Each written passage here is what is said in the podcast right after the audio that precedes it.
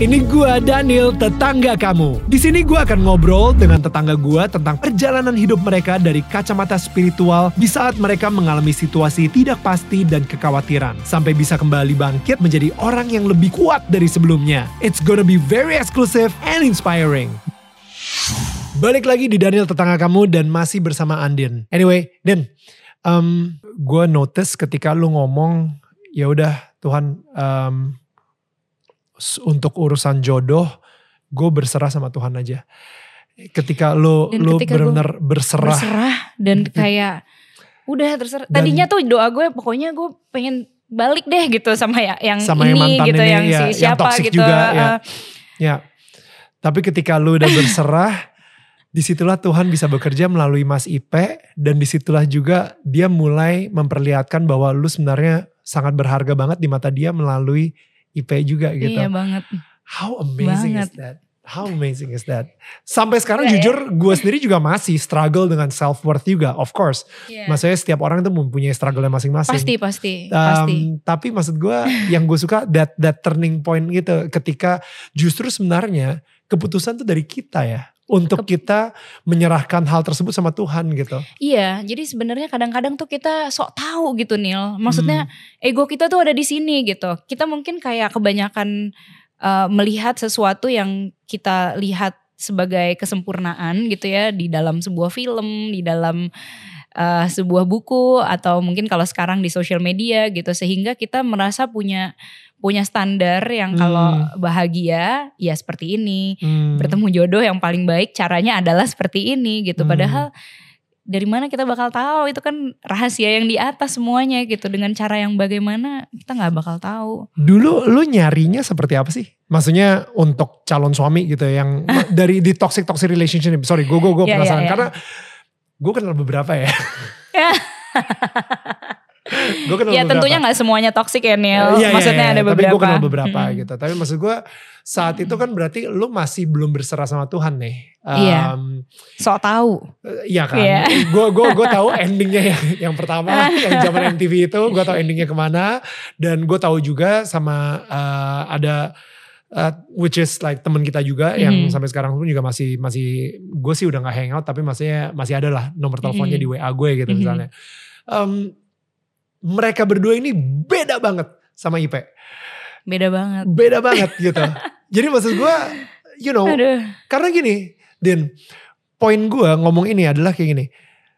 Lu gak takut ketika lu berserah sama Tuhan, Tuhan ngasih yang bukan tipe lu.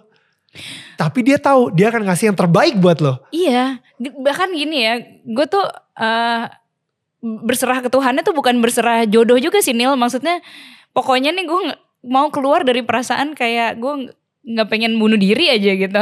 Rasanya Wow. gitu kan. Ya. Karena di saat itu gue kayak nggak bisa nyanyi. Maksudnya bener-bener hmm, ya tapi kan harus gitu. Ya. Tapi gue tahu gue nggak maksimal gitu. hmm, Terus eh, nggak bisa nggak bisa ngapa-ngapain lah gitu. Mau berkarya juga sulit gitu. Ya. gue pengen gimana tapi udah terserah deh gitu. Ya, ya, ya, ya, ya. Nah lalu datanglah Mas Ipe gitu. Ya, Jadi ya. bukan bukan lagi dalam rangka mencari jodoh pengen nikah Hmm. gitu. Enggak, justru enggak sama sekali gitu. Ya.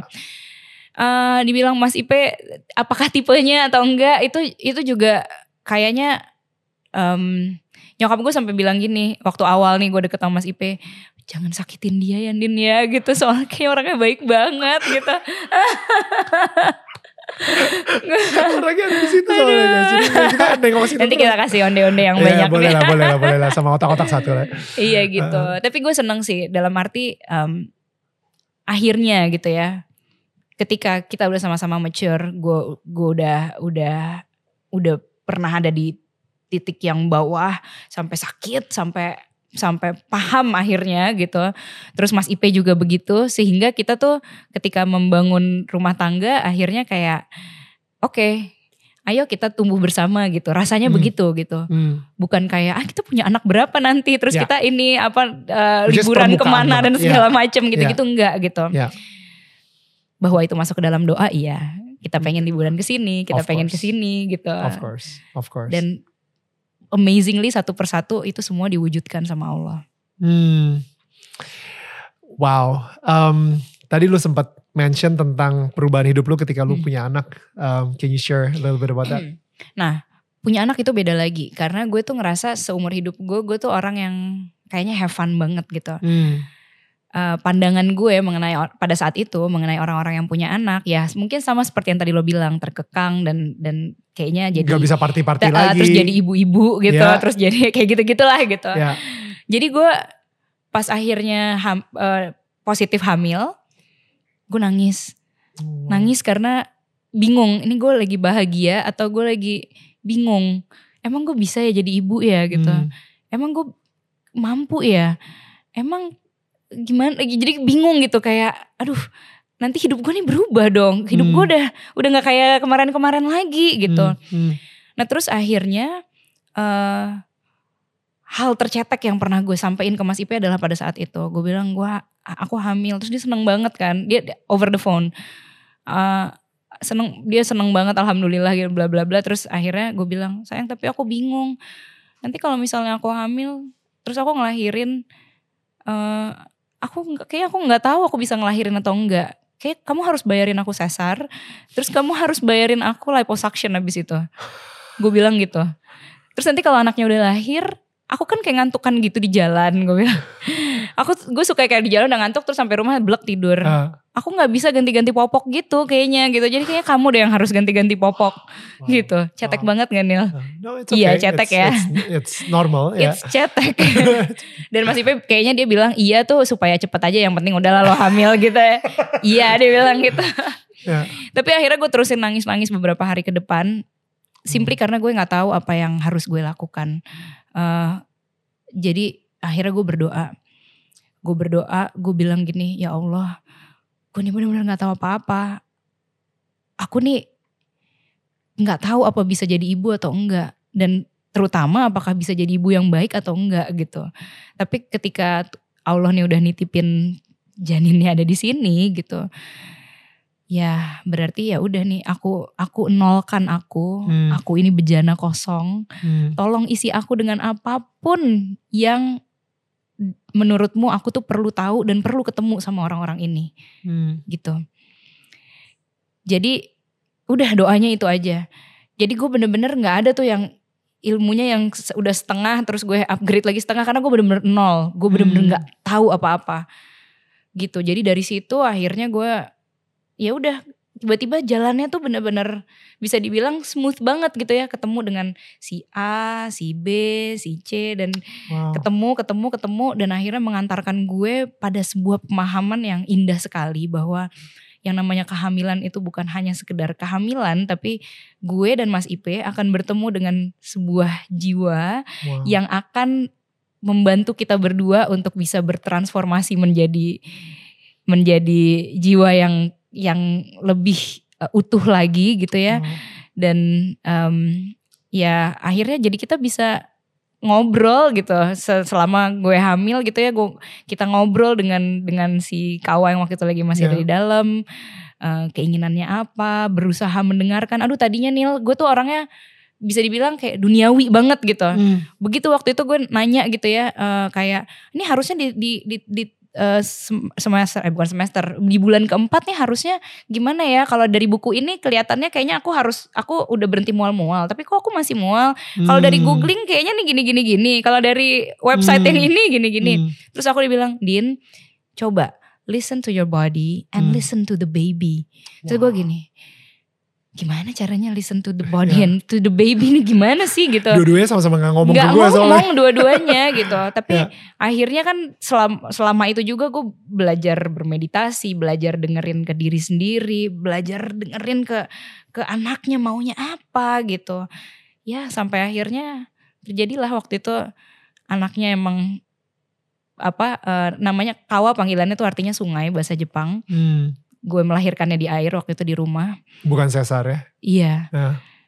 udah semuanya semaunya kawa gitu di diaturnya gitu jadi kayak eh apa ya kayak gue di situ gue ngerasa pengalaman spiritual yang luar biasa karena gue merasa kawa waktu itu menjadi lokomotif dari bagaimana dia akan hadir di dunia Ya. kayaknya ini sekarang bagian aku bu. Oke, aku cuman perantaranya doang kok, fasilitasnya doang gitu. Kasih Oh. tahu ya ke aku gimana caranya kamu mau dilahirin. Dia maunya jam segitu, dia pengennya itu, bagaimana caranya ya udah deh. Gitu aja udah gitu. Nah itu yang membuat aku tuh merinding-merinding gak karuan. Sampai akhirnya itu ya berjalan terus sampai kayak ke pengasuhannya. Sampai bagaimana dia besar, sampai aku akhirnya hamil lagi gitu. Jadi Ya. itu semua membuat kita melihat uh, parenting tuh differently gitu. Kayak dari apa yang kita pikirkan sebelumnya. Kayak gitu. I never thought about it that way. Ini baru pertama kali. Ini ini gue lagi mind blown banget. Ini muka mind blown gue gitu. I never thought of it that way. Karena gue ngerasa emang bener ya. em, bayi di dalam perut itu kan emang spirit yang masih pure banget gitu. Pada akhirnya ketika dia yang ngasih tahu kita untuk mau lahirnya kapan, bagaimana dan lain-lain, itu benar-benar kayak direct message dari Direct Tuhan message dari banget Tuhan. gitu. Iya bener Nil. melalui dia gitu. Iya. Ya. Such a pure soul gitu. Kayak Ya. bener-bener ya ya itu dia. Nah gue akhirnya jadi mikir iya ya gitu. Mungkin kita saat ini tuh sudah kayak terdistraksi dengan dengan banyaknya ilmu pengetahuan gitu ya. Dan Hmm. tadi yang gue bilang dari website ini, dari Ya. googling, dari ini, dari kata semuanya gitu. Ya.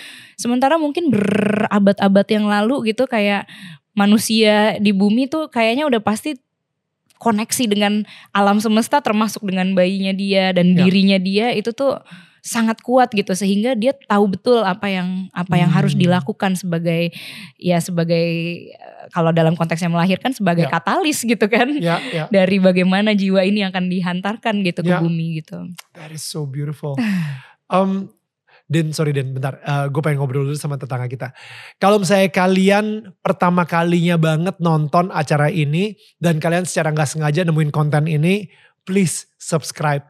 Karena gue ngerti banget sih. Lu mungkin pengen ngeliat dulu, hmm nih acara bagus nggak bisa menambah nilai hidup gue atau enggak. Hmm, kalau enggak ya ngapain gue subscribe. Tapi ini adalah tujuan kenapa YouTube channel ini dibuat. Untuk membuat kalian menambah value lagi dalam kehidupan. Justru memperkaya nilai hidup kalian. So please klik subscribe kalau misalnya kalian suka konten-konten ini. Dan subscribe kalian itu akan terus menyemangati kita untuk membuat konten-konten yang lebih berkualitas lagi. So thank you so much for your support. Alright, balik lagi Den, sorry. Itu kalau misalnya Tabi gimana? Lo eh, pun juga seperti itu. Nah sama, ini ini water dua, birth juga? water birth juga. Jadi Oke. dua-duanya di, di kamar lahirnya. Wow. Waktu kawa itu gue bener-bener jalanin seperti gue biasanya gitu. Gue waktu itu kayak banyak makan protein, less carbs. Hmm, Gue tetap olahraga dengan ke olahraga gue yang wow. Ya, segala macem ya, gitu ya. ya. Waktu tadi gue uh, mau melakukan hal yang sama sebenarnya karena gue merasa kayak waktu kawa tuh gue udah berhasil gitu. Ternyata semuanya beda. Ego gue diobrak-abrik. Dan ternyata itu sampai ke pemahaman gue bahwa ya emang gue cuman manusia biasa gitu. Hmm, hmm. Nggak emang ego ego defense mechanismnya harus turun dan dan jiwa ini nih butuh sesuatu yang yang otentiknya dia Ya. gitu. Ya. Waktu hamil tabi tiba-tiba gue nggak bisa makan daging. Jadi gue jadi vegan. ya, ya. Gue waktu hamil kawa itu kayaknya setelah gue ngelahirin gue tuh pernah stated di media seumur hidup gue nggak akan jadi vegan. Bisa-bisanya gue muntah nyium bau daging pada saat itu. Ya, ya, ya. ya. Ya itu manusia So kayak Ya. bener-bener nggak emang nggak bisa kayak attached to one Ya, image gitu kan it's kayak different season aja. iya bakal selalu gitu juga. Ya, iya ya.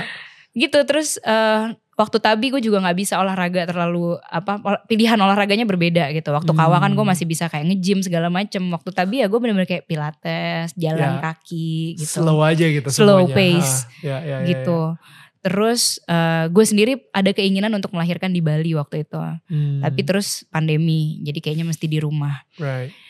terus tiba-tiba gue kayak nah tiba-tiba dapat bisikan gitu ya kayak aku kepengennya yang nangkep ibu What? gitu Jadi pas lagi lahir. jadi gue bilang ke Mas Ipe sayang aku nanti pas lahiran Tabi aku minta kamu nggak di kolamnya karena waktu kawa Mas Ipe yang Ya, nangkep aku ya. minta kamu nggak di kolamnya Hmm. jadi biar aku yang nangkep gitu Oke. aku ingetin lagi waktu lagi eh, apa lagi kontraksi tuh kan udah nggak sadar nggak sadar gitu aku bilang ke Mas Ipe sayang udah lepasin aku mau sendiri aja gitu Hmm. Ya udah dan dan itu keinginannya Tabi bener-bener gue yang apa kayak Pas- seluruh badan gue tuh digerakin apa ya kayak untuk untuk untuk menangkap dia gitu dan posisinya juga berbeda waktu kawa gue posisinya tuh lebih kayak berlutut waktu Hmm. Tabi gue lebih kayak tiduran gitu, tiduran gitu. Ya, ya, Jadi ya. gue ngerasa bener-bener ini pengalaman spiritual yang luar biasa banget bahwa badan gue nih digerak bukan gue yang gerakin gitu Nil. Kayak gerak dengan sendirinya yang nggak tahu pokoknya dia keluar aja caranya kayak gitu gitu. gue sekarang sih masih ngebayangin ya nangkepnya gimana. Ada videonya nanti. Oh yeah, it's okay, you know, don't worry about it, it's fine, thank you. Ipe ya Ipe yang benar-benar wah gila pakai kamera gitu ya, Enggak lah, enggak, enggak, enggak, juga. enggak ada Mas Ipe kan sibuk nyiapin airnya apa. Oh. Jadi Tabi tuh lahirnya tiba-tiba. Wait wait, ini ada berapa? Kalian berdua cuman atau Ada bidan-bidan. Ada bidan-bidannya kan? Heeh. Iya, Cuman iya. kan yang pompa apa eh, kolamnya, Kolamnya, terus nyiapin airnya kan semua masih P. Bidannya sibuk dengan gue gitu. That's yeah. Okay, I cannot imagine myself uh, doing that gitu ya. Gue ya Iya, amazing. tapi iya, tapi kembali lagi ke cerita pertama bahwa gue merasa sama sekali tidak punya kuasa gitu ya atas Hmm. diri gue sendiri eh bahwa gue nggak gue merasa pada saat itu gue nggak pantas untuk jadi ibu gue nggak bisa melahirkan gue nggak bisa jadi ibu gitu ternyata yang gue alamin beberapa tahun ini ya berbeda banget gitu Hmm. karena doa gue di hari itu karena Hmm. gue mengenolkan diri gue gitu Hmm. Hmm. karena gue gue rasa ju- juga salah satunya adalah karena gue nggak mau so tahu gitu Hmm. Gue takut banget pada saat itu. Lu sekarang ini masih khawatir nggak? Kalau misalnya pattern parenting lo Mhm. sama dengan pattern parentingnya orang tua lo gitu ke lo? Eh, khawatir enggak cuman bahwa selama ini eh, akhirnya kan gue sama Mas Ipe nih kayak pasti intensively kita ngobrol gitu. Dan pasti ada yang kayak misalnya nggak sengaja gitu eh, gue lontarkan itu yang seperti nyokap gue lontarkan ke gue Ya. Mas Ipe akan ngomong kayak kamu tadi kayak ini deh kayak mama kamu gitu Hmm. iya juga ya gitu dan sebenarnya eh, hal-hal yang seperti itu tuh memang akhirnya kita tuh berusaha untuk untuk eh, kembali ke our authentic self gitu supaya kita juga nggak nggak membawa bagasi ini dalam dalam hal parenting gitu Hmm. sehingga anak-anak kita juga bisa tumbuh menjadi dirinya mereka sendiri gitu bukan Hmm. dalam bayang-bayang gue atau bayang-bayang Mas Ipe Hmm. Tapi kalau misalnya anak lu pengen jadi artis penyanyi umur 14 tahun bakal lu kasih atau enggak? nggak apa-apa Enggak apa-apa. nggak apa-apa Walaupun you know like what happened to you, tapi lu ngerasa itu bakal beda anyway karena you are the mother gitu, bukan the iya mom gitu misalnya. iya iya iya Hmm. itu bukan gue juga pada saat itu kan ya semua kan terjadi karena kebetulan ada ruang dan waktu dan dan energi yang yang ada pada saat itu gitu. Jadi gue yakin nih kalau misalnya Kawa jadi penyanyi di umur 14 tahun ya pasti akan beda cerita gitu. Hmm. Kayak gitu. Hmm. Karena dia tumbuh di ruang dan waktu dan dan dan cerita yang berbeda lagi. Hmm, hmm. Ini jadi youtuber Minecraft kayaknya. Nah, cita-citanya emang saat ini kayak gitu. Mungkin barengan sama, Sama Noam gue kali. juga, exactly. Si Noam kayak, I'm YouTuber daddy. Apaan sih nih anak? Boleh tuh Nil belum ada di Indonesia. Aduh, udah, udah. Udah banyak nyoba tapi banyak gagal. But, um, lu parenting style lu kayak apa sih sebenarnya? Kalau misalnya gue boleh tahu. Uh, what is your parenting style? Um, gue taunya lu nggak pakai nanny sama sekali. Crazy, Yeah. ya. Dua anak gak pakai nanny. Um, ya, yeah, so what is your parenting style? Ah, Sebenarnya kalau di ngomongin mengenai style, gue juga nggak tahu ya stylenya apaan ya. Em, tapi yang jelas gini, eh, gue yakin anak-anak itu kan sebenarnya datang ke dunia tuh mereka tuh bukan kertas kosong sebenarnya. Walaupun mereka pure jiwanya, tapi mereka Hmm. bukan kertas kosong. What do you mean by that? Dalam arti mereka tuh udah punya sifat sendiri, Hmm. jadi mereka punya kayak eh, apa namanya potensinya sendiri, mungkin dari DNA-nya gue atau neneknya atau Hmm. atau leluhur yang mana mereka sudah membawa itu di dalam dirinya mereka sendiri gitu. Jadi Hmm. mereka tuh udah punya segala macam potensinya gitu. Kayak blueprintnya tuh sudah ada sebenarnya gitu. right. Jadi apparently mereka tuh akan bisa bertumbuh dan berkembang secara eh secara apa ya?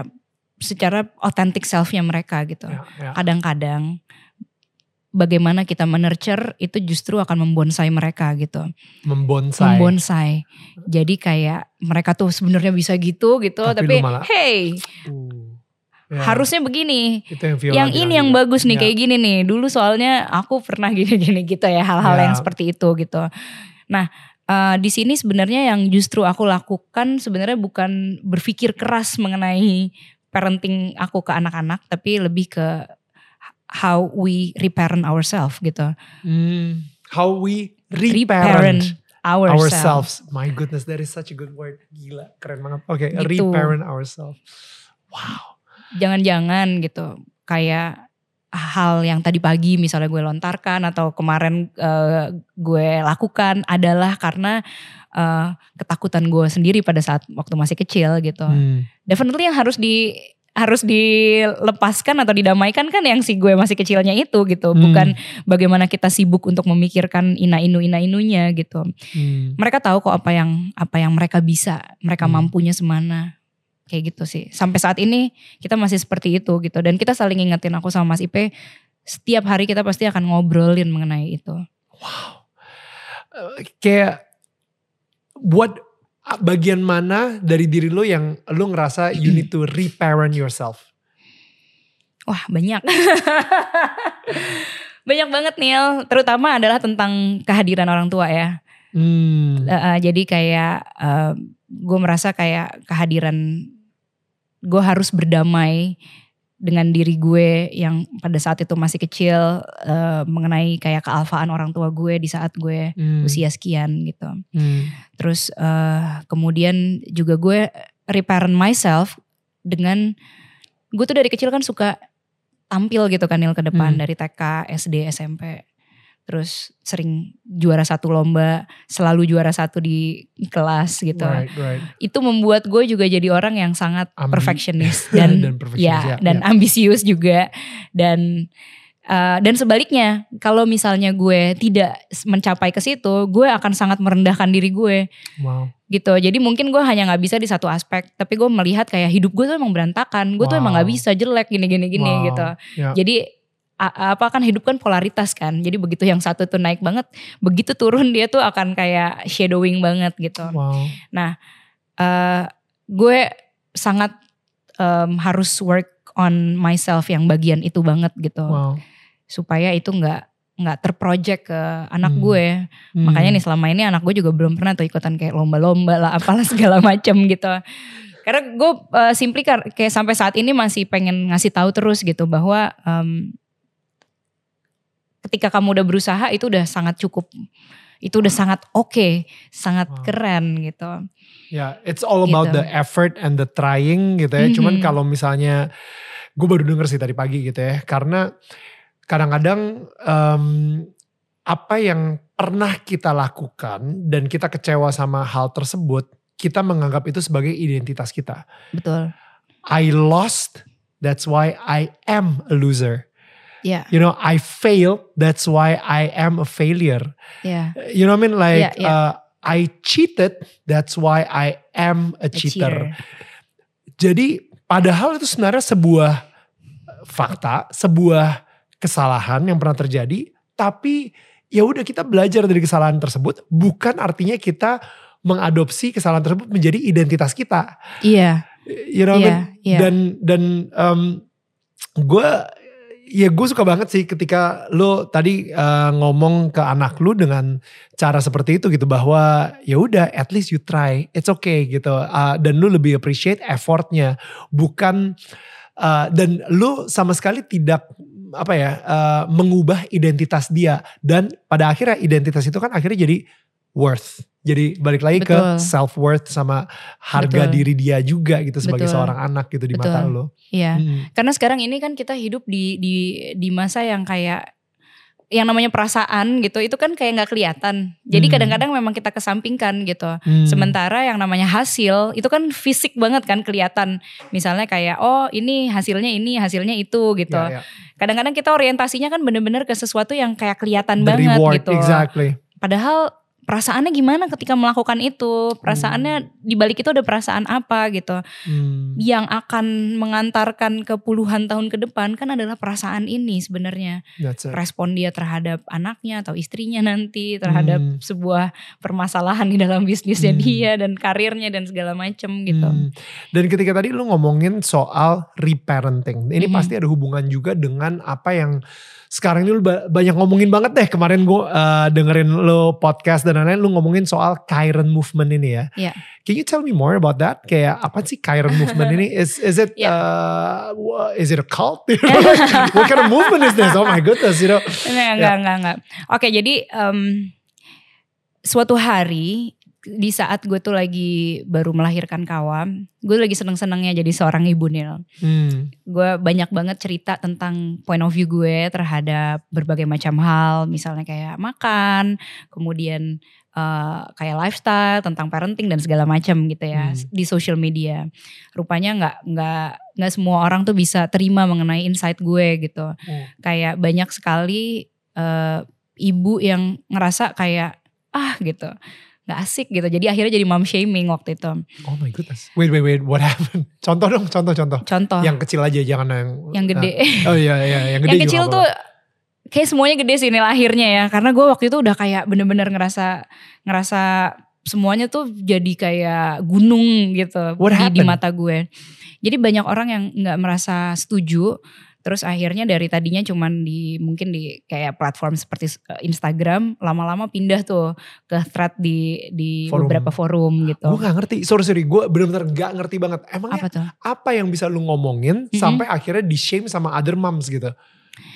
eh kayak misalnya apa ya eh, anak gue kan dari dari umur 6 bulan tuh gue encourage untuk makan sendiri nama nama konsepnya tuh adalah baby led winning jadi kita mempercayakan anak untuk proses penyapihan itu dia yang me, apa memimpin Oke. gitu jadi dia kayak seberapa banyak makanannya dia yang atur sendiri Oke. mau makannya apa dia yang atur sendiri Oke. kayak gitu Oke, jadi ini sebenarnya masih sejalan dengan konsep gue melahirkan dan dan segala Right. macam gitu right, Nah itu itu itu pun menjadi salah satu hal yang kayak right. dibully abis-abisan lah gitu. Padahal itu emang experience lu, lu cuman share siapa tahu ada yang kena di situ, Iya. tapi malah dibully. Wah dibulinya tuh sampai ribuan, belasan ribu, sampai puluhan ribu komen.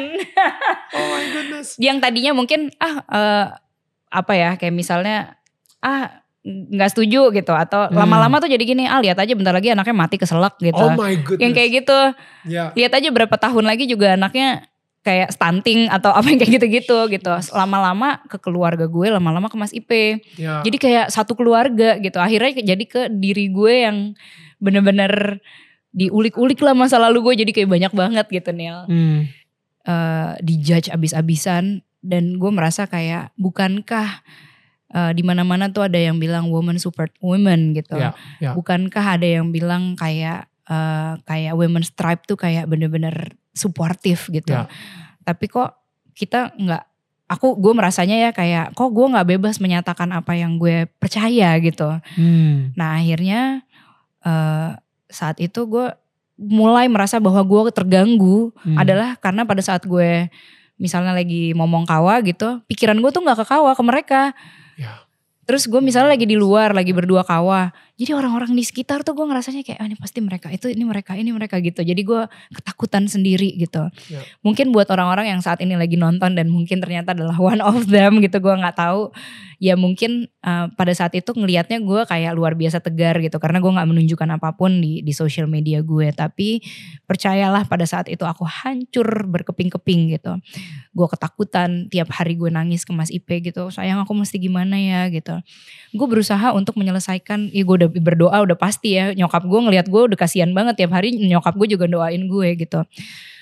Tapi eh, gue berusaha menyelesaikan segala permasalahan itu di eh, di luar gitu. Kayak gue datang ke kantor yang si forum itu gue minta itu kayak bisa nggak sih di take down? gitu gue sampai ngomong gini lo kan punya an lo punya istri kan? Gitu. Iya lo punya anak kan? Lo kebayang gak sih kalau istri lo digituin? Lo kebayang gak sih kalau misalnya anak lo disumpahin mati? Lo kebayang gak sih kalau ini kayak gitulah? Gue gue sampai ngomong heart to heart. Sayangnya nggak bisa. Dia bilang tapi trafiknya bagus. Oh my god. itu salah satu thread yang paling trending. Gitu. Jadi gue kayak ah, ya udah. Gue sampai di tahap gue ketakutan banget. Setiap gue nyanyi orang yang kayak IG storyin gue tuh gue kayak Hmm. ini pasti mau disebarin ke ini kayak gitu-gitu Nil. Karena memang seharsh itu ya. Maksudnya gue memang nggak baca satu persatu tapi Mas Ipe bacain satu persatu dan buat dia dia capek banget untuk baca itu gitu. Terus em, itu berbulan-bulan gue mencoba untuk menyelesaikan semuanya gitu. Kayak nggak bisa di take down lah di inilah segala macam sampai ada yang bilang ya coba aja bikin kayak Instagram eh, akun Instagram tandingannya gitu. Kalau misalnya ada satu bikin 10 lagi yang yang support lo. Tuh gue gue kan nggak punya energi buat itu Hmm, gitu. Gue hmm. gue harus ini anak gue gue harus berkarir segala macam nah sampai pada suatu hari hmm, gue dapat reference dari temen gue Nin ketemu deh sama eh, apa coach ini coach gue gitu. Gue ngobrol. Ini yang dari Kyron. dari dari Kyron movement Hmm. ini gue ngobrol terus eh, gue ngobrol ceritain nih tentang hidup gue dalam dua jam gue persingkat tapi masalahnya adalah yang ini yang terakhir ini. Hmm. karena buat gue ini affecting gue banget gitu. Terus dia bilang eh, oke ak- saya sebenarnya udah tahu nih kayak kira-kira akar permasalahannya tuh di mana gitu. Oh ya di mana? Nanti kita akan ulik tapi eh, saya mau tahu dulu nih kira-kira menurut kamu apa persamaan dari semua orang yang yang ngebully kamu ini persamaannya apa ya semuanya eh, perempuan gitu. Iya benar semuanya perempuan. Dari semua perempuan ini apa persamaannya? Terus gue inget-inget semuanya ibu-ibu. Ya that's right. Kita selesaiin dulu permasalahan kamu dengan ibumu. Then they all will disappear. Dia bilang gitu. Gue gak tahu bahwa itu tuh sampai sedip itu Nil. Gak ada yang pernah ngomong ke gue. Kan semua pada bilang ya bersabar, lihatlah ke dalam diri sendiri ini apa yang gitu-gitu. Cuman atau kayak cobain uh, being mindful liatin satu persatu. Cuman nggak belum pernah benar-benar ada yang nyampe sedalam itu gitu. Hmm. Terus ya udah uh, dua tiga kali sesi gitu ya. Gue bertemu dengan jadi ibu tuh ketika dibilang ibu bukan berarti gue punya permasalahan sama ibu gue gitu. Kan gue udah berkali-kali minta maaf sama ibu gue gitu, Hmm. maaf-maafan berdua. Cuman bukan itu gitu. Tapi figur ibu di dalam diri gue gitu yang belum ter apa terselesaikan dengan baik gitu. Jadi bukan ibu-ibu secara fisik gitu Ya. ya. That image, the the mother image Iya. inside of you, Iya. yang mungkin kadang-kadang bisa lebih jahat dari ibu lu sendiri. Iya, iya benar. Dan akhirnya eh, ya setelah akhirnya itu sembuh, benar mereka hilang dengan sendirinya. Hilang tuh adalah mungkin ada masih ada yang ngebully atau shame shaming gue gitu. Tapi buat gue itu kayak ya udah nggak apa-apa. Atau mungkin nggak kelihatan di mata gue. Wow. Kayak ya itu kan kebetulan kan orang bisa lihat, tiba-tiba ada yang ngasih tahu, tiba-tiba ada yang DM dan segala macem gitu ya. Hmm. Jadi tiba-tiba ya itu sudah tidak terlihat di mata gue gitu. How did you heal? Like un- si si lu tadi agak-agak terlalu shortcut tuh. Jadi Oke oke ketika oke oke. ketika lu udah mengerti bahwa yes gue ada masalah sama the mother image di di uh, kepala gue dan sampai akhirnya lu bisa uh, ngilangin hal tersebut prosesnya apa kayak gimana? Ya prosesnya ada kayak satu apa namanya kayak meditasi gitu, ya inner work gitu. Oke. Kayak kita bener-bener ketemu dengan eh, apa namanya dengan mother archetype gitu di dalam diri kita gitu ya. Dan kita ngobrol gitu. Ngobrol, kemudian nanti bisa aja di dalam obrolan itu tuh ada kayak berbagai macam emosi yang keluar, berbagai Hmm. macam ingatan yang keluar kayak Hmm. gitu. Kemudian kita coba untuk eh, tulis, accept dan dan apa ya? Dan kita coba untuk eh, eh, damaikan gitu. Hmm. Karena banyak sekali kayak hal-hal yang kayak bagian dari masa lalu, cuman gue coba untuk lupakan gitu. Hmm. Hmm. Ya, lu Tapi kan- suppress, lu suppress. Iya. ya. Gitu dan apa pun yang ditekan maka dia akan melambung ke atas Hmm. menjadi lebih besar lagi gitu kan Ya. nah itu yang yang akhirnya gue coba untuk eh, selesaikan gitu Hmm. jadi dia tidak lagi menjadi shadow atau kayak sesuatu yang gelap gitu tapi Hmm. kayak gue rangkul sini yuk kita jalan bareng yuk gitu kira-kira seperti itu Wow. No, that's powerful then. Oke. gitu. Nah dari situ gue baru dikasih tahu ternyata selama ini beliau tuh punya waktu itu baru baru tiga batch kalau nggak salah ya baru tiga batch dia punya sebuah Chiron movement ini atau eh, nama lainnya tuh Indonesian Academy of Psychotherapy Counseling and Coaching. Cuman dia tuh lebih menekankan kepada transpersonal psychology atau spiritual psychology di mana itu menggabungkan antara ilmu psikologi dengan spiritual Oke. gitu. Jadi kan selama ini mungkin kalau psikologi kita hanya bicara mengenai kesehatan mental, yang spiritual mungkin Ya. nggak ngelihat secara mentalnya tuh seperti apa Ya. gitu. Jadi hubungannya benar-benar ke atas gitu. Ya. Nah ini tuh digabungkan dua-duanya Wow, that's so good. gitu. Jadi akhirnya gue ikutan berdua sama si P. Simply karena gue males jelasin kalau udah nyampe rumah kan misalnya lagi habis kuliah gitu. Aduh masa harus cerita lagi sih di rumah gitu. Udah ikut aja yuk gitu. Jadi akhirnya kita ikut berdua tapi kita bersyukur sekali karena ya kita bisa empower diri kita bareng-bareng. Terus kalau mau diskusi juga jadinya bareng-bareng gitu. Hmm.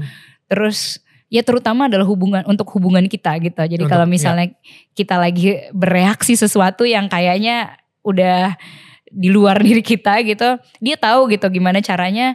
Eh, maksudnya dia tahu apa yang sedang terjadi gitu kepada pasangan Hmm. kita. Misalnya dia butuhnya apa gitu. Misalnya kayak aku nih, gue lagi lagi berulah lah gitu, lelelelele gitu. Masih P tahu oh gue harus diemin dulu gitu. Akarnya dan akarnya Dan itu dari akarnya mana? dia juga tahu dari mana bu- gitu. Sebenarnya yang si lala-lalanya itu mungkin hanya permukaannya Exactly. gitu. Cuman Iya, iya. respon gue terhadap sebuah permasalahan yang nge-trigger gue untuk menjadi seperti itu gitu. ya, ada yang pernah bilang sama gue ya Mm-mm. ketika eh, pacar lo atau istri lo itu udah mulai meningkatkan suaranya, udah mulai berteriak, itu dia lagi dalam keadaan takut.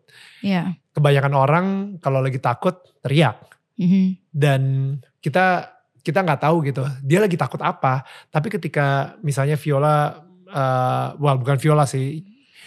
Viola kayaknya orangnya berani banget sih. Gue gue lebih penakut dari dia. Oke tapi misalnya siapa gitu ya. Ya. jadi gue jadi enggak sih eh, misalnya mantan gue dulu gitu. Dia mulai teriak gitu ya udah mulai teriak sama gue dan gue baru ngeh juga actually dia lagi dalam posisi yang menakutkan misalnya dia lagi takut sama uh, urusan finansialnya dia atau Iya, dia iya. takut soal uh, bokapnya lagi sakit atau apa kayak Iya, gitu jadi iya. jadi sebenarnya uh, kita harus mengetahui lagi lebih dalam apa sih ketakutannya dia kenapa dia sampai akhirnya kita yang jadi punching bagnya gitu misalnya Iya iya. Right, ya. Iya karena kan biasa kan itu kan projection antara antara dua dua Iya. orang gitu. Dan kita sebenarnya cuman banyak sekali ngeliat tuh cuman di permukaannya. Oh dia Iya. dari tadi merepet terus nih. beb. oh dia dari tadi kayak agak nggak pedulian gitu. Tapi sebenarnya ada layernya lagi, ada layernya Hmm. lagi, ada layernya lagi gitu. Nah sebenarnya ya yang menikah nih kan ada di layer yang paling bawah gitu. Exactly. So spiritual and psychological gitu ya. Mm-mm. Tadi kan uh, lu bilang gitu. Nah spiritualnya ini masih ada hubungan sama Tuhan nggak? Atau bener-bener udah wuh? Uh, tuh apa? right? Iya, jadi ini universal ya Neil. Maksudnya kita melihat Tuhan itu kan satu ya. Jadi Mhm. bener-bener yang ada di situ ya dari berbagai macam background agama. Oke. Jadi yang Muslim ada, yang Kristen ada gitu, yang Oke. Hindu ada, yang Buddha ada gitu. Jadi bermacam-macam profesi juga. Hmm. Jadi ya nggak hanya semuanya yang ada yang psikolog juga ada yang psikiater ada, tapi ada juga yang kayak ibu rumah tangga, ada yang makeup Hmm. artis, ada yang Hmm. penyanyi kayak gue gitu dan simply sebenarnya kita jadi belajar satu sama lain karena tahu gitu oh ternyata permasalahan hidup so- di se- setiap orang tuh bisa beda-beda gitu Hmm. tapi kalau eh, balik lagi ke konteks ketuhanan ngelihatnya ya Tuhan itu kayak eh, one one big apa ya eh, universal power gitu yang satu ya Tuhan kita semua gitu Ya, ya. Oke, Dan sorry, gue gue pengen ngomong dulu sama tetangga kita karena mereka pasti salfok banget sama kaos yang sedang gue pakai ya. Ini adalah official merchandise dari Daniel tetangga kamu yang sudah available di DMN Official Merch. Nah, kalau misalnya kalian pengen tahu um, DMN Official Merch itu ada di mana, langsung cek aja tokopedia.com slash DMN Merch. Yes, kita akan available nanti di toko online shopping lainnya. Tapi sekarang ini ya masih di Tokped ya. So guys, um, dengan kalian beli official merch kita, kalian nge-support kita banget karena seluruh hasil penjualan itu akan gue masukkan ke sini untuk kita membuat acara baru lagi, untuk kita meningkatkan kualitas kita juga dalam membuat podcast dan uh, membuat channel YouTube ini. So thank you so much for your support and thank you for buying uh, DMN official merchandise uh, seperti baju yang gue pakai sekarang ini.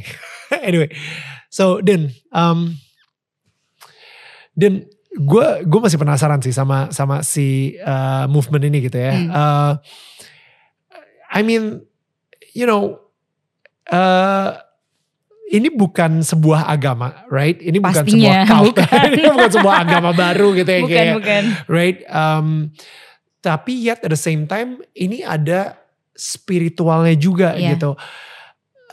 Um, rit okay, agama oke okay, menurut gua agama itu adalah sebuah ritual right? Yeah. jadi kalau misalnya ini bukan sebuah agama berarti nggak ada ritual ini gitu kan? Yeah. um, berarti ini secara spiritual dia langsung connect ke Tuhan dan uh, sama per, apa ya penggabungan antara mental juga. Lu bisa lebih jelasin gak gue gue udah mulai lost in my own translation sorry Uh, ketika ia mengenal dirinya maka ia mengenal Tuhannya gitu kan katanya. Oke. Okay. Jadi um, di sini memang kayak membuka lapisan kulit bawang gitu Neil. Oke. Okay. Kadang yang kita paham itu parsial sekali, kadang yang kita tahu itu hanya di permukaannya, kadang yang kita tahu itu bukan yang sesungguhnya gitu, hanya ilusi dari dari mata kita semata gitu.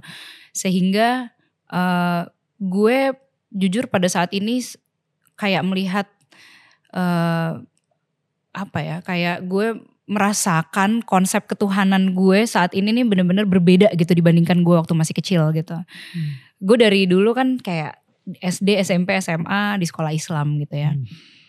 Um, jadi gue kalau lo ngomongin mengenai ritual di dalam agama gue gitu, ya gue melakukan semuanya dan apa ya ya udah dibilang udah sangat lengkap lah gitu dan dan terus berjalan gitu tapi kadang-kadang gue juga jadi mempertanyakan gitu ini sebenarnya gue melakukan karena gue ketakutan kayak akan dipunish nantinya gitu hmm. apakah karena gue mau mendapatkan pahala yang sebanyak banyaknya supaya gue kayak enak banget di surga nanti gitu hmm. atau karena kayak welas asih gue sebenarnya hmm. gitu atau karena rasa cinta gue terhadap terhadap Tuhan gitu. Hmm. Um, kayaknya nggak pernah kunjung dateng tuh jawabannya gitu. Sampai gue ketemu sama Mas Ipe hmm. yang mana backgroundnya tuh beda banget sama keluarga gue. Gue nyokap bokap gue muslim dua-duanya. Terus yang kayak bener-bener apa ya. Kayaknya ya semuanya tuh islami banget gitu kalau di keluarga gue. Kalau di keluarga Mas Ipe beda lagi. Di keluarga Mas Ipe ibunya Nasrani, uh, ayahnya Muslim, hmm. tapi ibunya udah nggak ada sekarang. Mas Ipe seumur hidup tuh nggak pernah eh, nggak uh, pernah sekolah di sekolah Islam hmm. gitu. Jadi kalau lo bandingin antara gue sama Mas Ipe, kayak mungkin uh, apa namanya mungkin kalau kayak bacaan Qurannya segala macam banyak yang lebih hafal gue. Hmm. hatamnya Qurannya segala macam gitu. Tapi di satu sisi waktu itu gue kayak ngerasa ada semacam apa ya ruang yang kayak perlu diisi gitu. Kenapa ini hanya menjadi semacam ritual saja gitu. Nah akhirnya ketika gue mendalami spiritual ini lebih dalam lagi gitu di situ gue menemukan konsep Tuhan konsep Allah gitu ya yang bener-bener sedekat itu gitu sama gue. Tadinya gue ngerasa kayak Allah tuh adanya di atas jauh banget. Kadang-kadang gue melakukan sesuatu tuh kadang kelihatan, kadang bisa juga gue ngumpet-ngumpetin gitu ya. Tapi ternyata nggak begitu gitu. Gitu jadi uh, gue pada saat itu ada rasa ngirinya juga ke Mas Ipe yang yang gue ngelihat secara ritual gue kayaknya lebih handal gitu. Hmm. Tapi kok secara spiritual dia lebih spiritual daripada gue gitu. Wow. Terus gue ada rasa iri seperti itu gitu. Tapi akhirnya itu semua seperti lambat laun terjawab ketika gue uh, berada di apa di platform ini di current movement ini gitu ya ketemu dengan berbagai macam orang dengan latar belakangnya dengan perjalanannya mereka sharing dan segala macam Hmm. gitu ya ternyata oh begitu ya gitu perjalanan spiritual itu tuh eh, nggak nggak linear gitu kayak Hmm. bener-bener sangat-sangat dinamis sangat-sangat sangat-sangat butuh yang namanya ada titik balik lah kemudian eh, titik kesadarannya segala macam Hmm. semua tuh bener-bener eh, semua butuh itu gitu untuk untuk merangkul kayak higher self kita gitu Hmm. Hmm. Gue gak ngerti bagian higher self. diri sejati. Ya mungkin sering denger nggak? Oke. like- kayak diri kita yang paling pure gitu. Kayak apa namanya eh, mungkin kita kayak sering sering denger ya pasti kayak kayak pe- pemuja senja pada saat ini. Sering denger yang kayak diri sejati kita gitu. Tapi diri Hmm. sejati itu apa sih gitu? Ya apa sih? yaitu diri kita yang yang pure gitu. Yang benar-benar eh, whole. Jadi Hmm. ini kan kita sebenarnya konsepnya ini kan adalah eh, apa ya kayak satu kesatuan gitu sebenarnya yang Antara antara spirit sama mental dan fisik itu maksudnya harusnya satu kesatuan. Enggak enggak. Apa? ini kita ngomongin spiritnya doang. Oke spiritnya doang. ya? Spiritnya Oke. doang. Jadi kita satu kesatuan tuh antara kayak ada egonya, Hmm. ada eh, apa namanya, ada personanya. Mhm. Kemudian kita tuh punya punya yang namanya shadow juga gitu. Kayak kayak hal-hal yang buruk yang dari diri kita yang yang selam- bukan buruk ya sebenarnya yang kita nggak mau terima gitu selama ini gitu kemudian ada eh, pokoknya berbagai macam hal di dalam itu gitu yang membuat kita tuh menjadi kayak ketika kita mau mendamaikan itu semua maka kita tuh akan menjadi diri kita yang utuh yang itu namanya si higher self itu gitu Oke, oke. Ya. Um, dan sekarang ini kita kalau misalnya sorry dari dari, dari tujuannya adalah lu menuju sedikit demi sedikit untuk sampai di higher self ini misalnya kayak gitu. iya Oke, oke, oke, oke, oke. Dengan oke, oke.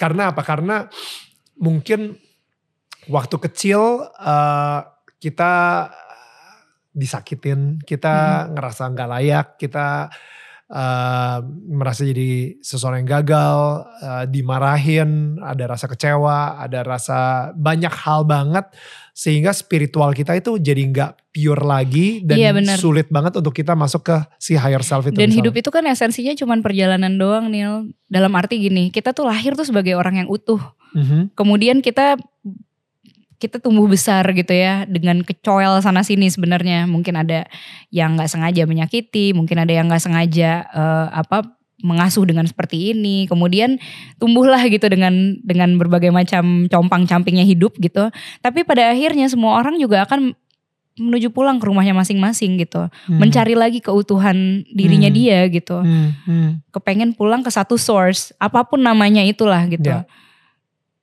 Dan pulangnya kepengennya utuh lagi Hmm, hmm, hmm. That's a beautiful way to put it. Dan that's a really beautiful way to put it. Um, sekarang ini kan lo akhirnya punya a new apa ya, a new way to to see God gitu ya. Tuhan tuh in in such a whole like yang tadinya kayaknya lu masih bisa ngumpet-ngumpet kalau misalnya nakal gitu misalnya dan dan maksudnya tapi sekarang ini Tuhan jadi ada di hati lu banget gitu. iya What is the effect of that? Akhirnya um, ya yeah, what happened to your life now dengan mempunyai uh, perspektif yang sangat berbeda tentang Tuhan sekarang ini gitu. sejujurnya ya gue tuh em, gue sendiri kalau ngelihat eh, perbedaannya gitu ya karena ini kan dari dalam diri gue gue nggak ngerasa berbeda maksudnya kayak Andin oke Andin gitu tapi setiap orang yang ada di sekeliling gue gitu itu ngelihat bagaimana berubahnya gue Hmm. bagaimana apalagi orang yang udah lama nggak ketemu gitu ya Hmm. ngelihat hidup gue pada saat ini tuh kayak kayak kayak nggak andin gitu atau Ya. bukan nggak andin kayak kayak berubah gitu Ya. Em, transformed. Ya. iya heeh. Ya. Guenya merasa menjadi pribadi yang yang ya udah dari dulu tetap Hmm. menjadi gue gitu ya walaupun gue secara sadar betul pasti ada the way of life and thinking yang yang berbeda gitu ya. Uh, kemudian yang berbeda lagi mungkin kayak di energi kan kayak it apa ya radiates gitu ya. Hmm. Sehingga lo akan attract orang-orang yang yang berbeda juga Neil. Ya. Ya. Jadi circle lo gitu itu semua tuh kayak kayak sudah dipilihkan gitu. Ya. Ya. Dan lo yang attract itu. Ya. Masih kita semua. Hmm. Dan itu yang terjadi sama gue juga sih actually. Mhm. Like sekarang ini gue nggak tahu kenapa gue percaya banget ya kayak Tuhan mengirimkan Mhm. orang-orang itu ke gue gitu. Betul. Dan orang-orang ini yang bener-bener gila kok kok gue bisa ya bisa punya circle seperti ini gitu Iya. yang bahasanya sama kita ada di season yang sama iya, di eh, frekuensi yang sama. frekuensi yang sama gitu. dan lain-lain gitu jadi kelihatannya kita bakal makan martabak itu akhirnya. itu closure yang gue tunggu-tunggu dari tadi tuh. Martabak. dari jadi sejak kita cabut dari Turki kemarin ya Which jadi 2015. 2015 dia belum Live before anak. kawa. Neil ada martabak nanti kita makan bareng ya oke Eh boleh tapi Din. sejujurnya lo udah pernah nyoba belum sih martabak kita belum gue gak Oke. tahu martabak yang mana Taunya begitu gue bawa ya ini mah yang gue sering Iya. pesen.